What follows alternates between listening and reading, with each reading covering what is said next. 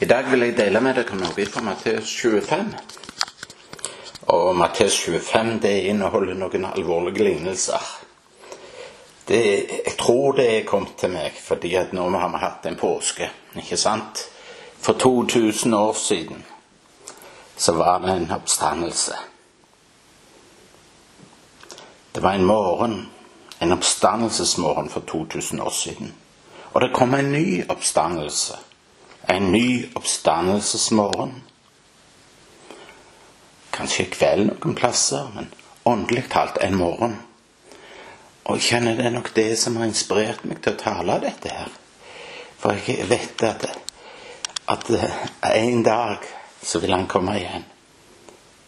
En dag så skal vi få møte han der i skya. Enten vi har sovna inn, eller vi lever her og nå i dag. Nå er Jesus så her med oss i dag. Derfor er òg alt mulig under denne andakten her. Du kan få komme til Jesus, du. Syk. Og du kan få lov til å gå frisk ifra denne andagsdommen når du hører det. For Jesus er her. Du kan få komme deprimert, og du kan gå glad ut fra det rommet du sitter i nå når du lytter til dette her. Eller kanskje du er ute og går i skogen og lytter på noe du har i ørene dine. Men du kan òg komme med din syndebyrde til Jesus og gå fri ut når du med dine åndelige øyne virkelig får se hva Jesus har gjort for deg. Amen. Herre, vi takker deg, for i deg er det lys og liv. Herre, takk for at du kommer snart. Ja, du kommer snart for å opprette ditt rike i all sin fylde. Hjelp meg alltid til å våke og ikke sove inn i, i syndens bedragerske søvn, men hjelp meg til å ha all den olja som trengs i min lampe for den tid som jeg lever i. Jesus, jeg ber for hver enkelt som lytter. Herre, tal du inn i våre hjerter. Rør du med vårt hjerter. Amen. Amen. I Matteus 25 så vil jeg lese noen vers fra 31 om dommen over folkeslag. Når menneskesønnen kommer i sin herlighet, og alle englene med han, da skal han sitte på sin herlighetstrone. Og alle folkeslag skal samles framfor ham, og han skal skille dem fra hverandre, liksom gjeteren skiller sauene fra geitene. Han skal stille sauene ved sin høyre side og geitene ved sin venstre. Da skal kongen si til dem ved sin høyre side, Kom hit, dere som er velsignet av min far, arv det rike som er beredt for dere fra verdens grunnvoll ble lagt. For jeg var sulten, og dere ga meg mat. Jeg var tørst, og dere ga meg å drikke. Jeg var fremmed, og dere tok imot meg. Jeg var naken, og dere kledde meg. Jeg var syk, og dere så til meg. Jeg var i fengsel, og dere kom til meg. Amen. Amen. Det var litt av en tekst. Du vet, Jesus, Jesus Kristus, han har oppfylt hvert eneste løfte han kom med, unntatt dette ene. Han er ikke kommet tilbake. Jesus taler tydelig om at tiden og verden en gang skal ta slutt. Både i Det gamle og Det nye testamentet blir det vist til Jesu gjenkomst. Og mener, jeg ser fram til den store samlingsdagen. Det gjør sikkert du òg med mange som ser fram til den store samlingsdagen, den store dagen som gjelder alt Guds folk. Det kommer til å bli en mektig dag. For det er da det virkelig begynner. Er du med for det? Det er da det begynner. Den endelige dommen er bare et forspill. Det er et forspill til denne store begivenheten da den forsonte og gjenoppretta og herliggjorte menneskeslekta, Guds folk, for alvor komme inn i sin forutbestemmelse.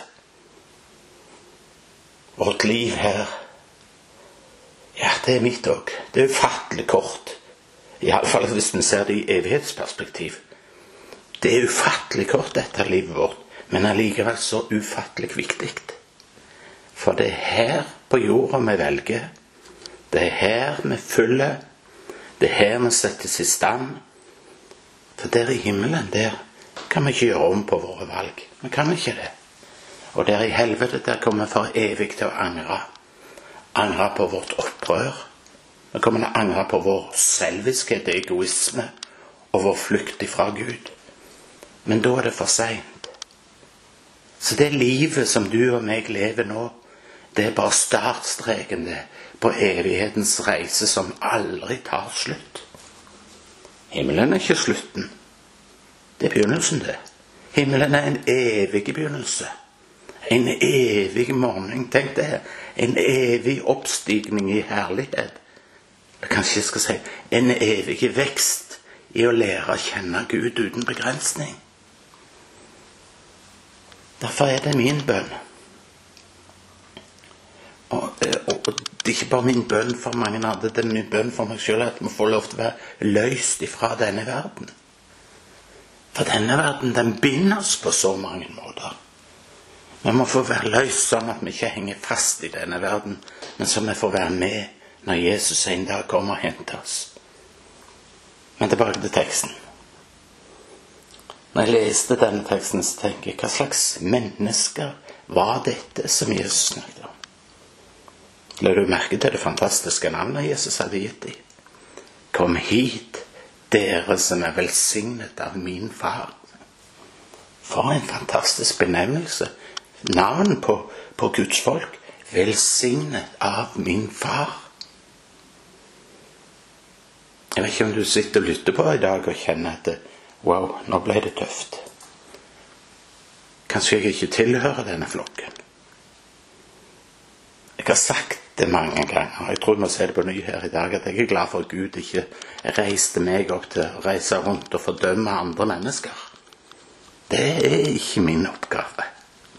Han har kalt meg til å gå med et nådens budskap. Et nådens budskap, tenkte jeg. Og det budskapet er at det er frelse for de som av synden er dømt til døden. Amen. Det motsetter fordømmelse, det. Derfor vil jeg gjerne få bare sagt det til deg i dag. Jeg vet ikke om det er bror eller søster, men det er nåde nok for deg, nåde nok for meg. Og du som kjenner at du At du ikke er med i, i denne flokken. Du som kjenner at du ikke bærer navnet 'velsigna av min far'. Om du ikke er der nå, så kan du bli det. Hvorfor? Jo, fordi at han som setter alle ting i stand, det er han som er midtpunktet for denne andakten her. Akkurat Jesus ifra Nasaret. Men det ser ut for meg som når jeg leser teksten her, så, så at det å være en kristen, det å være født på ny, det å være frelst, det gjelder òg utenom når vi kommer på møter. Tror det å være kristen, det er noe vi praktiserer hele dagen. det. Ikke bare i Eller kanskje jeg skal si ikke alltid i ord, men i handling. Når jeg var frelsermann i Sandnes, var det en gammel mann der. En eldre herre, tror jeg en gammel soldat, som alltid reiste seg når det var vitnemøte. Og så og så leste han denne sangen, 'Hverdagskristen'. Det må jeg være. Det vil jeg være. Så, så, så forteller han Sjå, der kommer en sjuk og fattig. Der kommer en som spør om råd. Der kommer en sviken. Der er en haten. Her er nok for offerdåd.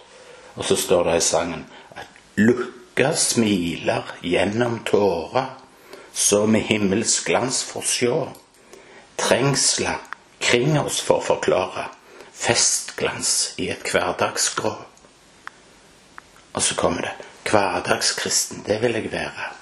Syn for sengen, det krev Guds ord. samklang mellom liv og lære. Det er himmelsang på jord. Og venner, det er dette vi er kalt å være. Jeg legger merke til at på den store samlingsdagen så var det forskjellige som ble kalt fram. Jeg syns jeg ser Jesus når han står der og ser over denne store forsamlingen over alle folkeslag.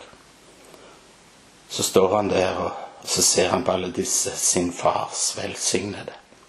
Og så plutselig er det som han peker på noen. Og så sier han dere som står der, dere må komme fram for å kjenne dere.